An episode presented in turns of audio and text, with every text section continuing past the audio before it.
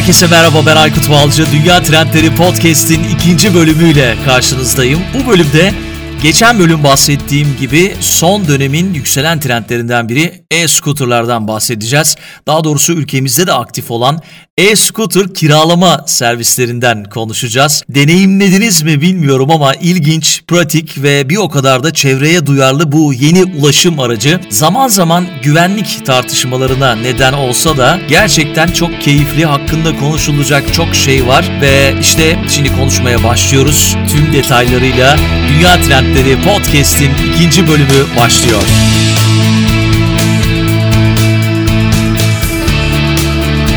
Konumuza giriş yapmadan önce ilk bölümün ardından çok güzel geri dönüşler aldığımı söyleyebilirim. Geri bildirimde bulunan herkese çok teşekkür ediyorum. Eğer sizlerin de fikirleri varsa her zaman bana ulaşabilirsiniz. Lütfen fikirlerinizi olumlu olumsuz benimle paylaşın. Çünkü bu podcast serisinde ben olacağım. Zaman zaman konuklarım olacak bir de siz olacaksınız. Benim bir şeyler öğrenmem ve sizlerin bir şeyler öğrenmesi ve bunu yaparken de keyif alarak yapmamız gerçekten çok çok önemli. O yüzden eleştirilere devam diyorum. Çok da hoşuma gitti. Olumlu olumsuz eleştiriler oldu. Tabii bu eleştirilerin hepsi çok değerli. Mutlaka dikkate alacağımdan emin olabilirsiniz. İsterseniz birkaç yorumdan bahsedeyim. Belki bu bölümde, bu bölümden sonra siz de bana yardımcı olur ve yorumlarınızla podcast'e katkıda bulunabilirsiniz. İlk bölümü dinlemediyseniz eğer ilk bölümle ilgili biraz kritik yapalım istiyorum. İlk olarak podcast dinleyicisi farklı olduğu için ve ben de yaklaşık 20 yıldır radyo programları yaptığım için ilk yayın biraz radyo programına kaçmış. Böyle bir eleştiri geldi. Böyle bir eleştiri var. Yani daha çok sunar gibi değil de anlatır gibi istemişsiniz. Bu da mantıklı geldi bana ama 20 yıldır farklı bir mecrada olmak ve Sonra burada bu mecranın dinamiklerine uygun olmak kolay değil takdir edersiniz ki.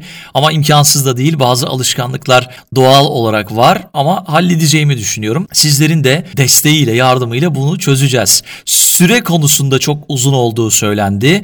Aslında ilk podcast'i ben bilerek biraz kısa tuttum kafamda olması gereken süre 40-45 dakika aralığıydı ve bundan sonra da 40-45 dakika aralığında olmasını planlıyorum ama değişebilir. Bazen daha da kısa olur, bazen daha da uzun olur. Bir süre sonra sıkılmış hissettik denmiş. Böyle bir eleştiri gelmiş ve işte o süreden değil bence benden kaynaklıdır diye düşünüyorum. Benden sıkılmışsınızdır. O yüzden süre konusunda değil de bu, bu sunum konusunda biraz daha geliştirmek gerektiğini düşünüyorum. Peki bilimsel bir konu olduğu için koronavirüsünden bahsetmiştik. İlk bölümü dinlemeyenler için hatırlatalım. Daha fazla referans istemişsiniz. Kaynak belirtmem istenmiş ve çok yüksek perdeden konuştuğum söylenmiş. İşte o belki o radyodan kalma bir durum demin de söylediğim gibi tam bir hikaye anlatıcısı istediğinizi biliyorum ve peki lafını çok kullanmışım. Peki. ve bir de şu metrobüsteki tutacakları tutma konusuyla dalga geçtiğim algılanmış. E, ama bu gerçekten ciddi bir durumdu benim için. Belki trajikomik bir durum. Biraz hani konuyu abartmış olabilirim. Çünkü virüsün yayılmasında etkili olan yerlerden biri olabilir. Olacaktır da e, burası metrobüsler. Ki bunu gören İstanbul Büyükşehir Belediyesi tüm duraklara bu dezenfekte sularından koydu. Tabii bu kriz durumunda neler yapabiliriz biz ondan bahsettik. Metrobüs örneğiyle belki sınırlandırmamam lazımdı. Market arabaları, tuvaletler, alışveriş merkezleri, kapılar bu süreçte hemen hemen her yerde dikkatli olup elimizi yıkamamız gerektiğini söylemeliydim. Şimdi geçtiğimiz bölümden bu yana vaka sayısı günden güne artıyor. Ben Almanya'dan bahsetmiştim. Almanya'da koronavirüsüyle ilgili 60 olan sayı bir hafta gibi kısa bir sürede 800'lere çıktı. İki kişi de maalesef ki hayatını kaybetti. Şimdi sosyal medyada özellikle koronavirüsü ile ilgili çok fazla haber yapılıyor. Türkiye'ye çok şükür hala gelmedi ve Tayvan'ın aldığı bir takım önlemler varmış. Asıl konumuza geçmeden önce kaynak da belirterek bu Tayvan'ın yapmış olduğu önlemlerden bahsedeceğim. Tayvan meğerse koronavirüsüne karşı dünyanın en başarılı tedbirlerinden birini almış ve salgını kısa sürede neredeyse durdurmayı başarmış. Şimdiye kadar bir kişi ölmüş e, Tayvan'da ve hem de Çin'den her gün bir sürü insan geldiği halde çok kalabalık olduğu halde ve toplu taşıma kullanıldığı halde bunu başarmışlar. Aldığı tedbirleri Birleşmiş Milletler'e aktarmak istemişler. Birleşmiş Milletler bilgi alışverişi yapmamış çünkü Tayvan Birleşmiş Milletler üyesi olamıyor. Ve Çin Tayvan'ı devlet olarak tanımadığı için de engelliyor ve bu yüzden de Birleşmiş Milletler kapılarını kapamış. Ne yapmışlar peki? İlk yaptıkları şeyi okuyunca gerçekten hayran oldum. Koronavirüsü duyulduğu günden itibaren yurt dışından gelen uçaklardaki herkesi taramışlar. Grip belirtisi gösteren herkese test yapıyorlar. Ama koronavirüsü testi henüz yoktu. O sırada ne yapıyorlar? Bilinen bütün soğuk algınlığı ve grip testlerini uyguluyorlar. Eğer o virüslerden biri çıkarsa bırakıyorlar. Hiçbiri çıkmazsa kişileri karantina altına alıyorlar. Hastanelerde yeterince kıyafet stoklamışlar. Sağlık personeli için kıyafet stoklamışlar ve halka kesinlikle maske satmamışlar. Bunu kısıtlamışlar. Ve bizim yaptığımız gibi yurt dışına ihracatını da satışını da yasaklamışlar ve böylece hastanelerde gerekli malzeme onlara yetmiş. Eminim daha başka bir sürü önlemler de almışlardır ve bireysel olarak ve kolektif olarak birçok başarılı işe imza atmışlar. Mesela halkın maske alması salgını hızlandırıyormuş. Böyle bir tespitleri var. Çünkü maskenin gerçekten gerektiği tek yer olan hastanelere ve ağır hastalara yeterli olması gerektiğini düşünüyorlar. Bir de Tayvan önlemlere daha hastalığının ismi konulmadan başlamış. Nasıl tespit etmiş bunu? Varlığı teyit edilmemişken Çin'den gelen halk arasında yayılan söylentilere bakmışlar ve hastalığın adı yokken Çin uçaklarına karantina uygulamaya başlamışlar. Bu da gerçekten ilginç. Şimdi daha net olursak bir hastalık olduğu 31 Aralık'ta açıklandı ama insandan insana geçtiği henüz bilinmiyordu. Ne dediler? İşte yılanda, yılan yiyorlar Çinliler, köpek yiyorlar, kedi yiyorlar. Onlardan daha çok yılandan geçtiği söyleniyordu. Tayvan o gün insandan insana geçtiğini varsayarak tedbirlere başlıyor ve Wuhan'dan gelenlere test yapıyor ve 5 Ocak'ta Wuhan'dan gelen herkesi karantinaya almaya başlıyor. Bu techspiegel.de sitesinde yayınlanan bir haberdi. Paylaşmış oldum. Peki tabii bunun haricinde e, çok ilginç bir şey paylaşıldı hafta içi sosyal medyada. 2016 yılında yanılmıyorsam yapılan bir araştırma. Gallup International yapmış bu araştırmayı ve Avrupa'da hijyene en çok dikkat eden ülkelerin haritasını çıkartmış ve içinde Türkiye'nin de bulunduğu anket sonucunda tuvaletten sonra elini sabunla yıkayan ülkeler sıralamasında Bosna Hersek %94'te birinci sırada yer alırken ikinci sırada kim yer almış tahmin edin? %85 ile Türkiye yer almış. Yani şu anda henüz ülkemize gelmediğini düşünürsek Avrupa'da en çok tuvaletten sonra elini yıkayan ve elini en çok yıkayan ülke olduğumuzu da düşünürsek gelmemiş olması belki harita üzerinde baktığımızda olan koronavirüsünün görüldüğü ya da görülmediği yerler açısından bir kriterdir diyebiliriz. Ha ne kadar insanlar bu anketlerde doğru söylemişlerdir elini yıkamadığı halde yıkıyorum demiştir. Onu yorumu size bırakıyorum. Şimdi onaylanmış korona vakalarının sayısı giderek artıyor ve birçok hükümet kriz moduna geçiyor. Birçok insan korkuyor, evde yiyecek stokluyor. Almanya'da da durumunun böyle olduğunu söylemiştim. Bu hafta içerisinde yine tuvalet kağıdının marketlerde kalmadığını gözlemledim. İlginç gerçekten. Şimdi bir panik yapıyoruz. Dünya üzerinde panik havası var. Bu panik gerçekten haklı mı? Kriz zamanlarında hangi prosedür uygulanmalı. Psikolog Ulrich Schurman haber ajansı ve haberlerle ilgili bir röportaj yayınladı geçtiğimiz günlerde ve en çok satan yazar ve onlardan biri kriz yardımı konusunda nitelikli bir psikolog ve 20 yıllıkta bir mesleki deneyimi var bu kadının. Neden bu kadar çok insan koronavirüsü hakkında paniğe kapılıyor diye soruyorlar ona. Ulrich de şöyle cevap veriyor. Esas olarak konuyla ilgili bilgi akışı nedeniyle diyor. Koronavirüsü Sürekli olarak tüm kanallarda mevcut. İnternette, gazetelerde, televizyonlarda, podcastlerde ki biz de bunu konuşuyoruz. Her yeni vaka rapor ediliyor. Olaylar iptal ediliyor. Daha doğrusu etkinlikler iptal ediliyor. Süpermarketlerdeki raflar boş ve sabahtan akşama kadar virüsün farkındayız. Psikolojide bu gibi durumlarda dikkat çarpıklığından bahsediyoruz diyor. Yani bilgi tekrar tekrar ortaya çıktığında dikkatimizi bir şeye aşırı odaklıyoruz. Bu da paniğe neden olabilir demiş ve bunu da anlaşılabilir bir durum olarak yorumlamış. Çünkü konuyla ilgili tüm bilgiler enfeksiyon ve ölüm riskiyle orantılı ilişkili. Ve şimdi tabii ekonomik sonuçları da var bunun ve bu hafta içerisinde o ekonomik sonuçları da iyice hissettik. Peki sizce korkmakta haklılar mı diye soruluyor kendisine. Ulrich de şöyle cevap veriyor. Korkuya bu temelde bakarsanız onu tamamen anlıyorum diyor ve akılcı mantıklı olarak görüyorum diyor.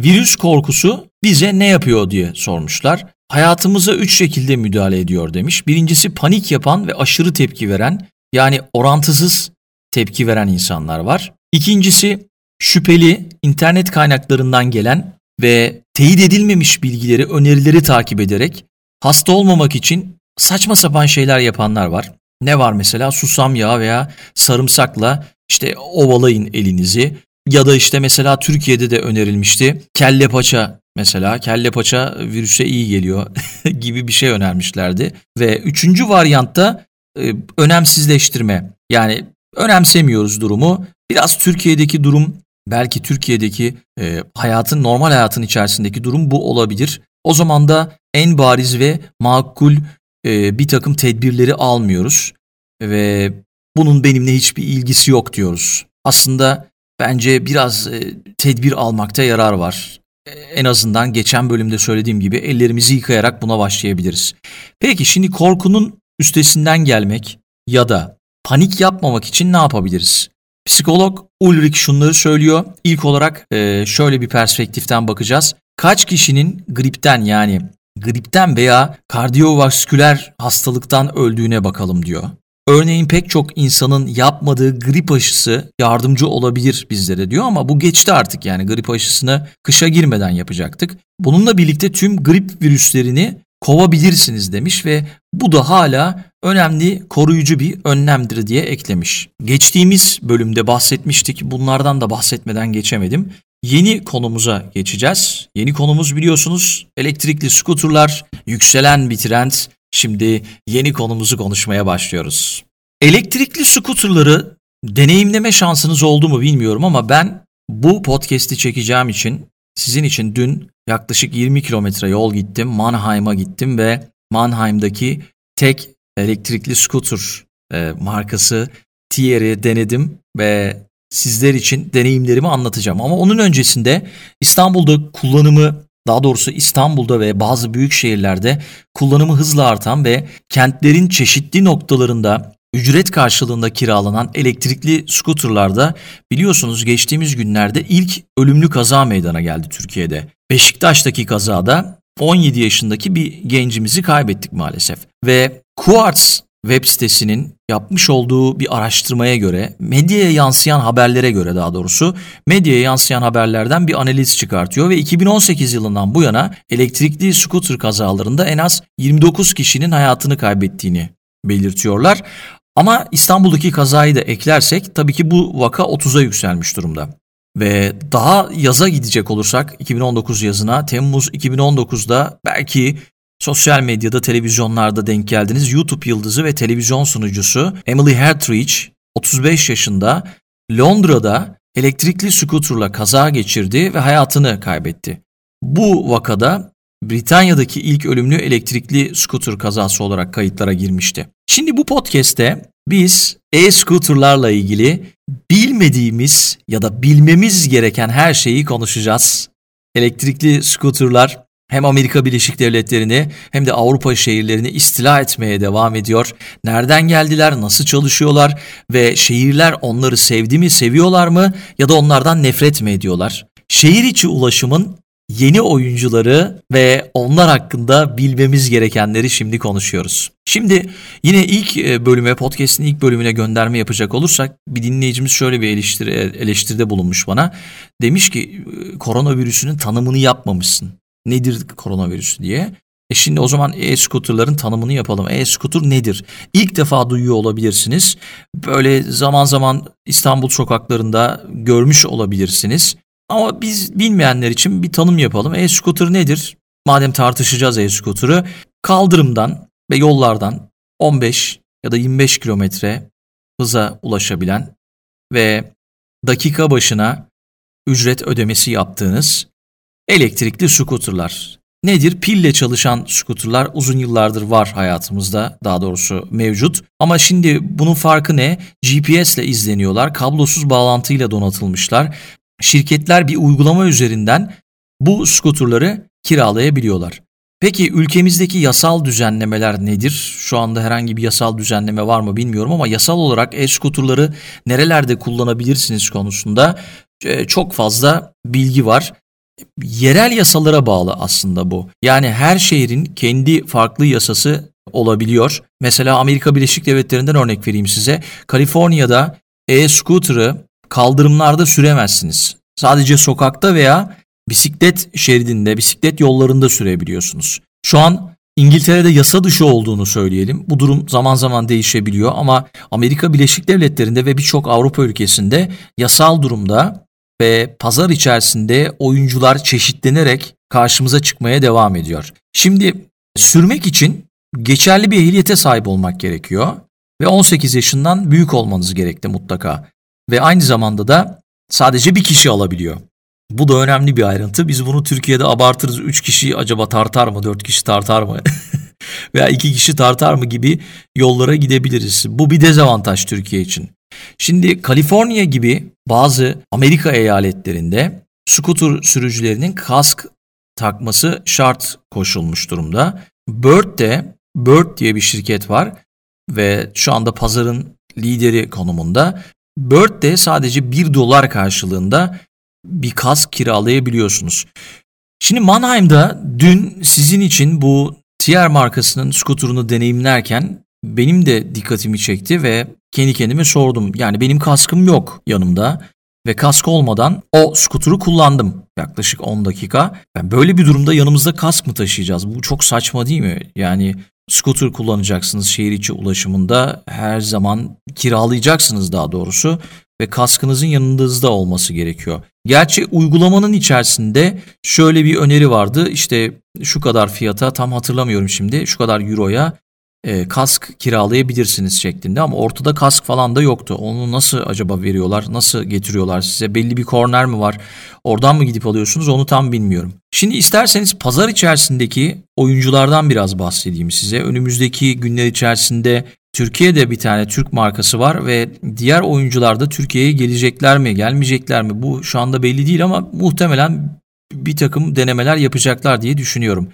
Şimdi elektrikli scooter paylaşımındaki en büyük isimler Bird, Lime, Lyft, e, Jump ki Uber'e bağlı ve Skip ve Spin. Ve bunun dışında da onlarca marka var pazar içerisinde. Yani yerel pazarlar açıldıkça daha fazlası ortaya çıkıyor. Örneğin Almanya'da ve İtalya'da elektrikli skuterlar yasallaştıktan sonra her iki ülkede de girişimler artmış durumda. Gerçi girişimler arttıktan sonra da biraz sonra bahsedeceğim Almanya'daki yasaların biraz değiştiğini ve önümüzdeki günlerde farklı şeylerin olacağını gözlemlediğimi de söyleyebilirim. Şimdi önde gelen bir e-scooter şirketi Bird dedik ve 1 milyar dolarlık bir değerleme ile 150 milyon dolar topladı. Uber ve Lyft'in eski yöneticisi Travis Van der Zanden tarafından yönetildi ve ama fikir tabi ondan çıkmadı. Fikir nereden çıktı? Sabit ve park yeri olan bisikletlerin jump bike gibi, line bike gibi büyük bir trend olduğu Çin'den geliyor. Yani çıkış noktaları bu. Son zamanlarda, son zamanlarda dediğim geçtiğimiz yıl içerisinde Hüseyin Bolt e, da bu işe girdi ve Amerika şehirlerinde ve bunun dışında yüzden fazla ülkede Hüseyin Bolt'un da Bolt adını verdiği skuturu yollarda, caddelerde, sokaklarda yerini aldı. Şimdi bir dakika geçtiğimiz sene deyince ben geçtiğimiz yıl e, podcast projesine başlamaya karar verdim. Daha doğrusu başlamaya karar vermeme biri neden oldu. Bu podcast'in bir fikir babası var. O ismini de söylemek istiyorum. Önümüzdeki bölümlerde kendisini bu podcast'te ağırlayacağız ve çok da yararlı olacak bize. Çok önemli şeyler anlatacak diye düşünüyorum. Yazılımcı arkadaşım e, Yılmaz Yavuz. Yılmaz 2019 ocağıydı sanırım böyle. İşte çocukları sabah yuvaya bıraktık. Otoparkta her zaman olduğu gibi 3-4 veli böyle freelance çalışan veliler, erkek veliler beyin fırtınası yapıyoruz. O yetmiyor oradan çıkıyoruz. E, her zaman olduğu gibi kahvaltı yaptığımız mekanlara gidiyoruz. Orada böyle ülkeyi kurtarıyoruz. Efendime söyleyeyim e, ne yapıyoruz? Girişimlerden bahsediyoruz, fikirlerden bahsediyoruz. Ve işte o yazılımcı ve girişimci arkadaşım Yılmaz da dedi ki podcastler önümüzdeki günler içerisinde çok fazla yükselecek. İnanılmaz e, büyük bir trend haline gelecek. Bu fırsatı kaçırma ve sen de bu işin içindesin. Hatta sen bu işin içinde olduğun halde görememişsin bunu. Bak ben sana gösteriyorum ve bu işe gir dedi. Daha sonra ben bir deneme podcast'i çektim ve tabii ki doğal olarak fikir babası olarak ona yolladım ve dinledi.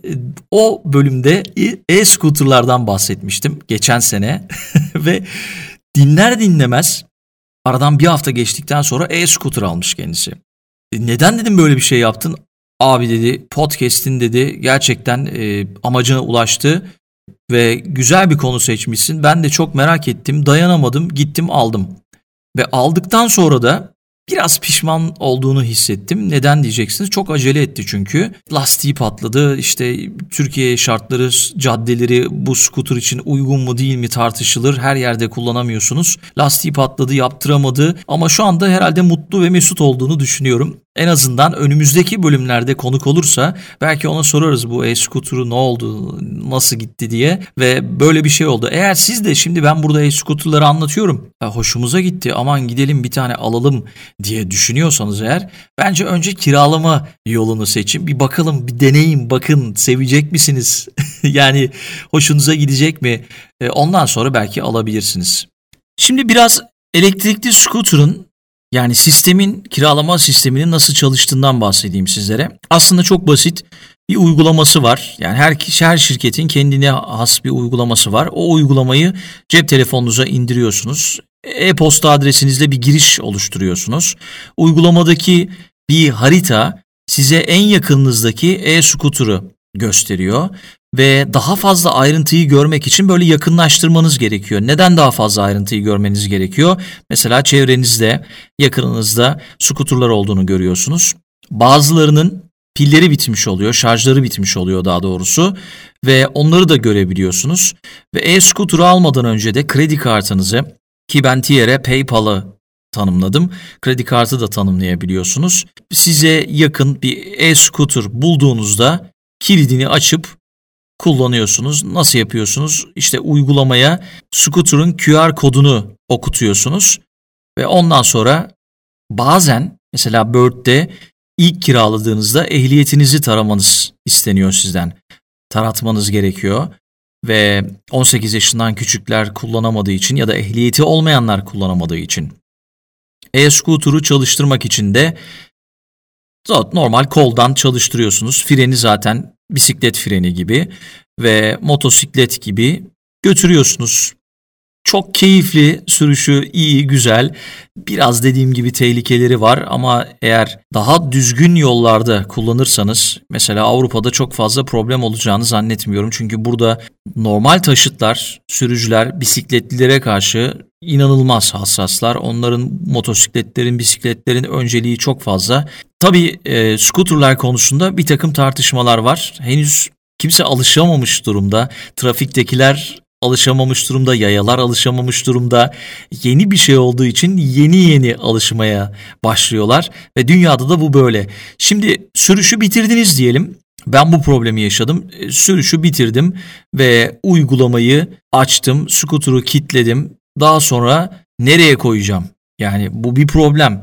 E, bu zaten en büyük problemlerden biri. Scooter'ı nereye koyacağız? Şimdi bazı şehirlerde bisiklet parklarına koymanız gerekiyor ve bazılarında ise ulu orta her yere bırakabiliyorsunuz. Mesela Türkiye'de genelde İstanbul'da denk geldiyseniz metroların çıkışlarında ışıklandırmaların ışıklandırma direklerinde direklerine bağlanmış bir şekilde görürsünüz.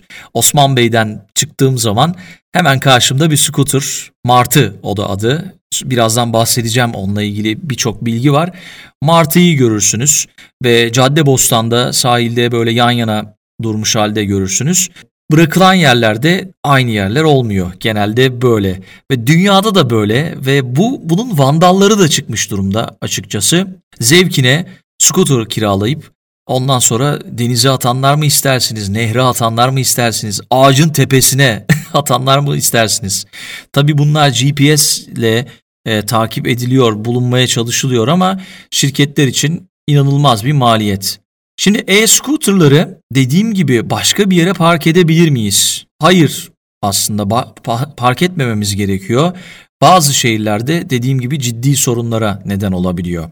Şimdi San Francisco'da yetkililer Nisan 2018 itibariyle yasa dışı park edilmiş e-scooter'lara el koymaya, onları trafikten çekmeye, bir daha kullandırtmamaya karar vermiş ve ayrıca 4 Haziran'da da yine 2018'de e-scooter'ları sokaklardan uzaklaştırmış, şehirden yasaklamış ve onları kontrol etmek istediğini açıklamış yetkililer. Şimdi sorunun bir kısmı da e-scooter şirketlerinin kurallara uymaması. Bilmiyorum dünyada nasıl ama Amerika Birleşik Devletleri'nde kurallara uymadıkları açık ve net. Amerika'nın bir başka eyaletinde Nashville'de Bird'e çok ciddi yaptırımlar yapacağız konusunda yetkililer açıklamalarda bulunmuşlar. Ne yapıyorlar?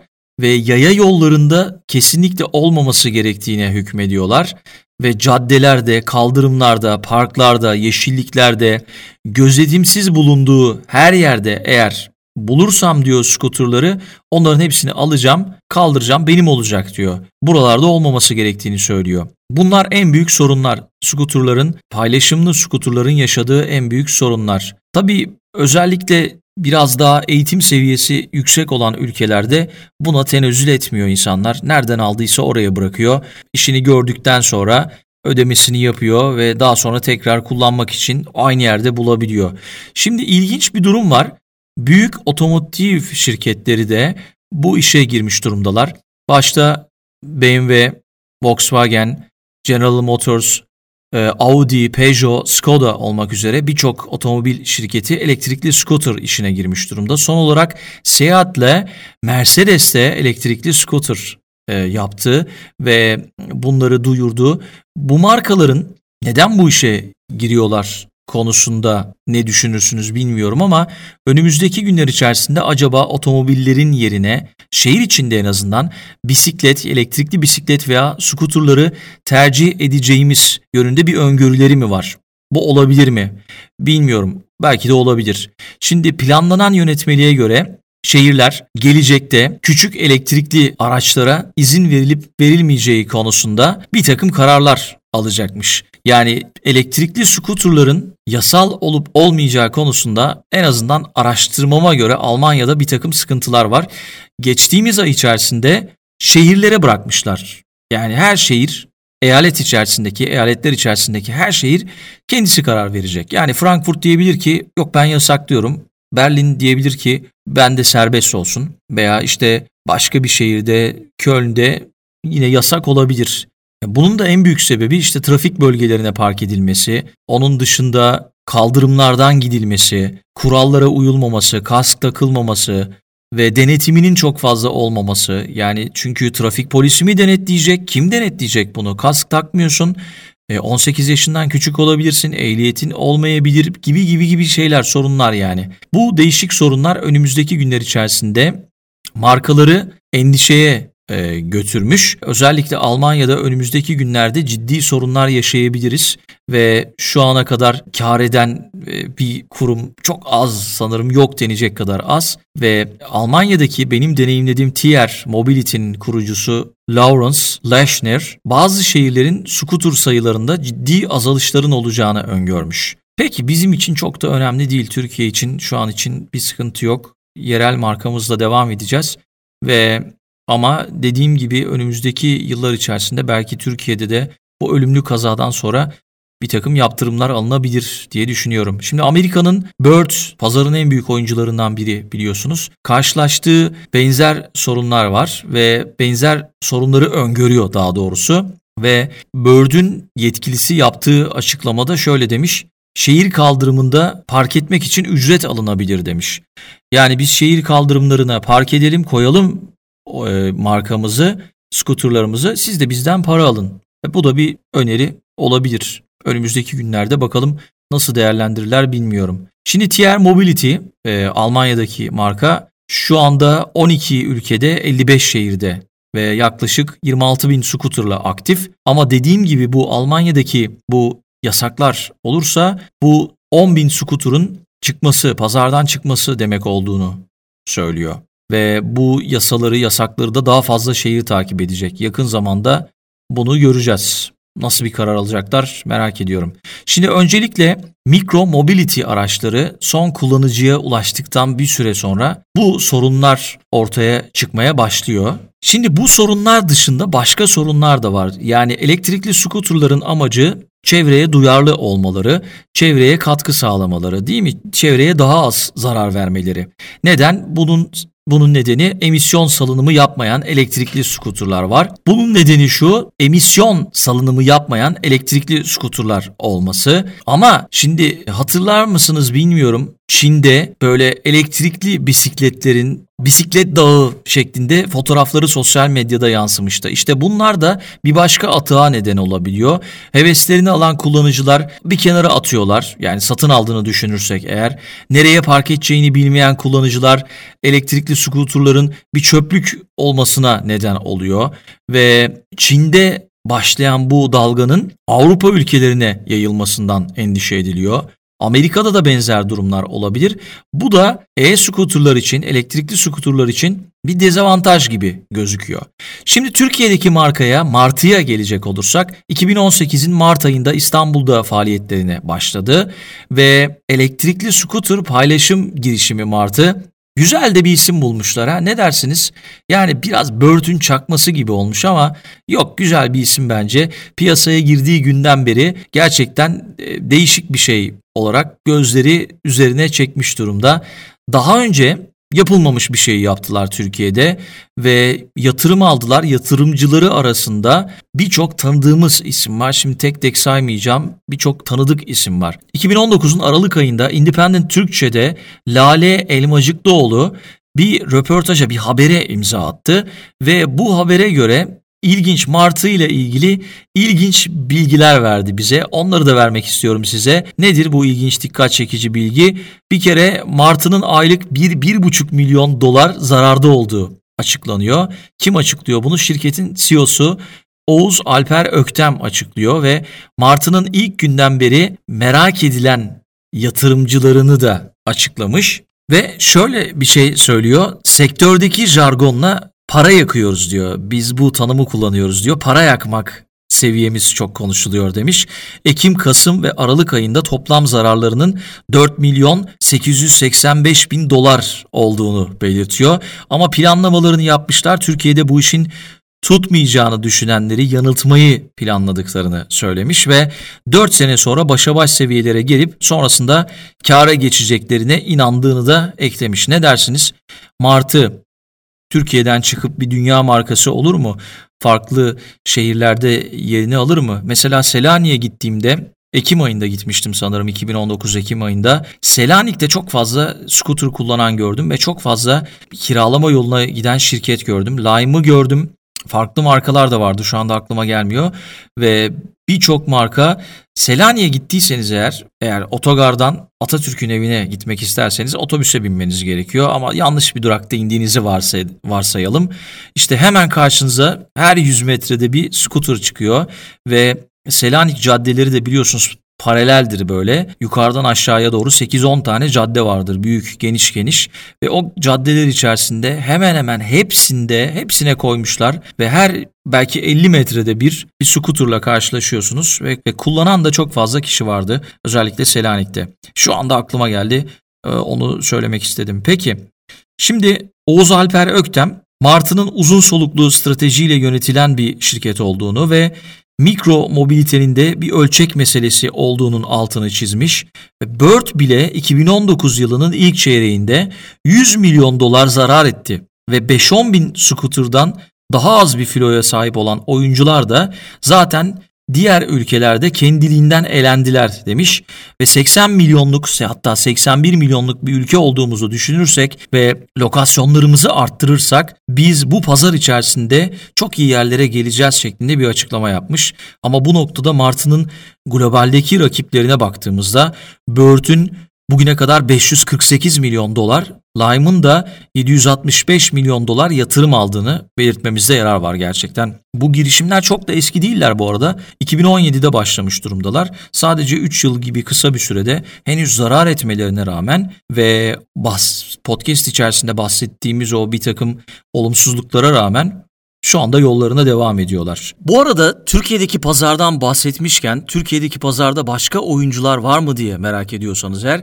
Türkiye'deki elektrikli scooter kiralama girişimlerine de biraz bakalım isterseniz. Martı girişimiyle başlayan Türkiye'nin elektrikli scooter kiralama yolculuğu pazara eklenen pek çok yeni oyuncu ile birlikte hız kazanmış durumda. Daha doğrusu hız kaybetmeden devam ediyor. Hangi markalar var? Hangi oyuncular bu pazarın içerisinde? Önümüzdeki günler içerisinde Türkiye'de Martı ile başlayan bu serüven kimlerle devam edecek? Gelin bakalım. Bir kere İstanbul Havalimanı'nda belki eğer İstanbul Havalimanı'na son günler içerisinde gittiyseniz İstanbul Havalimanı ve üniversite kampüsleri için elektrikli scooter kiralama girişimi olarak karşımıza çıkan Bin Bin var. Bin Bin rakiplerinden farklı olarak İstanbul Havalimanı'nda da hizmet verebilen bir özelliğe sahip. Böyle bir özelliği var ve rakiplerinden bu yönde ayrılmış durumda. Üniversite kampüslerinde kullanabiliyorsunuz. 1 liralık açılış ücreti var ve kullanılan dakika başına da 50 kuruş talep ederek kullanabiliyorsunuz Binbin'i. İstanbul Havalimanı'nda biliyorsunuz bir yerden bir yere gitmek gerçekten e, zahmetli bir iş ve 15 dakikası 4 euro olarak ücretlendiriliyor. İstanbul Havalimanı için biraz ücret pahalı gibi geldi bana. Bir diğer girişimin adı Hop Ankara'da hizmet vermeye başladı ve elektrikli scooter kiralama girişimi Hop geçtiğimiz yılın Aralık ayında kullanıma sunuldu. İstanbul, Ankara ve İzmir'de dahil olmak üzere toplam 5 şehirde operasyona geçmeyi planlıyorlarmış ve peki Martı'nın 2019 yılının Mart ayında İstanbul'un Anadolu yakasında kullanıma sunulduğunu biliyoruz ve şu anda İstanbul'un pek çok noktasında ve her yerde onları görme şansımız var. Mobi diye bir marka var ve Mobi İstanbul'un belirli bölgelerinde hizmet vermeye başladı hem Android hem de iOS platformunda mobil uygulamalara sahip olan Mobi, elektrikli scooter kiralama işinde rakipleriyle benzer bir kullanım mantığına sahip durumda. Hemen ücretlendirmesine bakalım. Açılış 2 lira ve her bir dakika içinde 60 kuruş talep ediyor. Yani 10 dakikasına bir mobil yolculuğu için 8 lira ödüyorsunuz. Peki Palm var. Palm de bir başka marka. Martı, Hop ve Mobi gibi rakiplerden farklı olarak üniversitelere odaklanmış bir girişim Palm ve İstanbul Teknik Üniversitesi Ayaza yerleşkesinde hizmet veriyor ve Türkiye çapında da üniversite kampüslerinde yayılarak hizmet vermeyi amaçlıyormuş. Bir de Etku var. Ve son olarak şu an aktif olarak hizmet veren girişimlerin yanı sıra başka girişimlerin de bu pazara girmeye çalıştığını aktarmış olayım sizlere. Bugün webrazi.com'da yayınlanan habere göre Etku'da Osman Ağa ve Cafer Ağa mahallelerinde hizmet vermeye başlayan bir girişim, bir paylaşım skuturu. Şimdi gelecek dönemde Türkiye'de elektrikli scooter pazarında neler olacağını hep birlikte göreceğiz. Henüz kesin bir şey söylemek, bir şeyler kestirmek, öngörmek çok zor diye düşünüyorum. Bir takım nedenlerden dolayı, yasal nedenler, kullanıcı alışkanlıkları ve farklı farklı nedenlerden dolayı. Şimdi Martı sağlam yatırımcılarla yola devam ediyor ve önemli girişimlerden biri Türkiye için. Önümüzdeki günlerde bakalım nasıl başarılara imza atacak ben de merak ediyorum. Dünya Trendleri Podcast'in ikinci bölümünün sonuna geldik. Ben Aykut Balcı. Beni dinlediğiniz için çok çok teşekkür ediyorum. Yeni bölümde belki bir konuğumuz olacak. Üçüncü bölümde ve yine güzel bir konuyu konuşacağız. Konuğumuzu söylemiyorum sürpriz olsun. Konumuzu da söylemiyorum sürpriz olsun. Ve podcast'in üçüncü bölümünde buluşmak üzere. Tekrar dinlediğiniz için çok teşekkürler.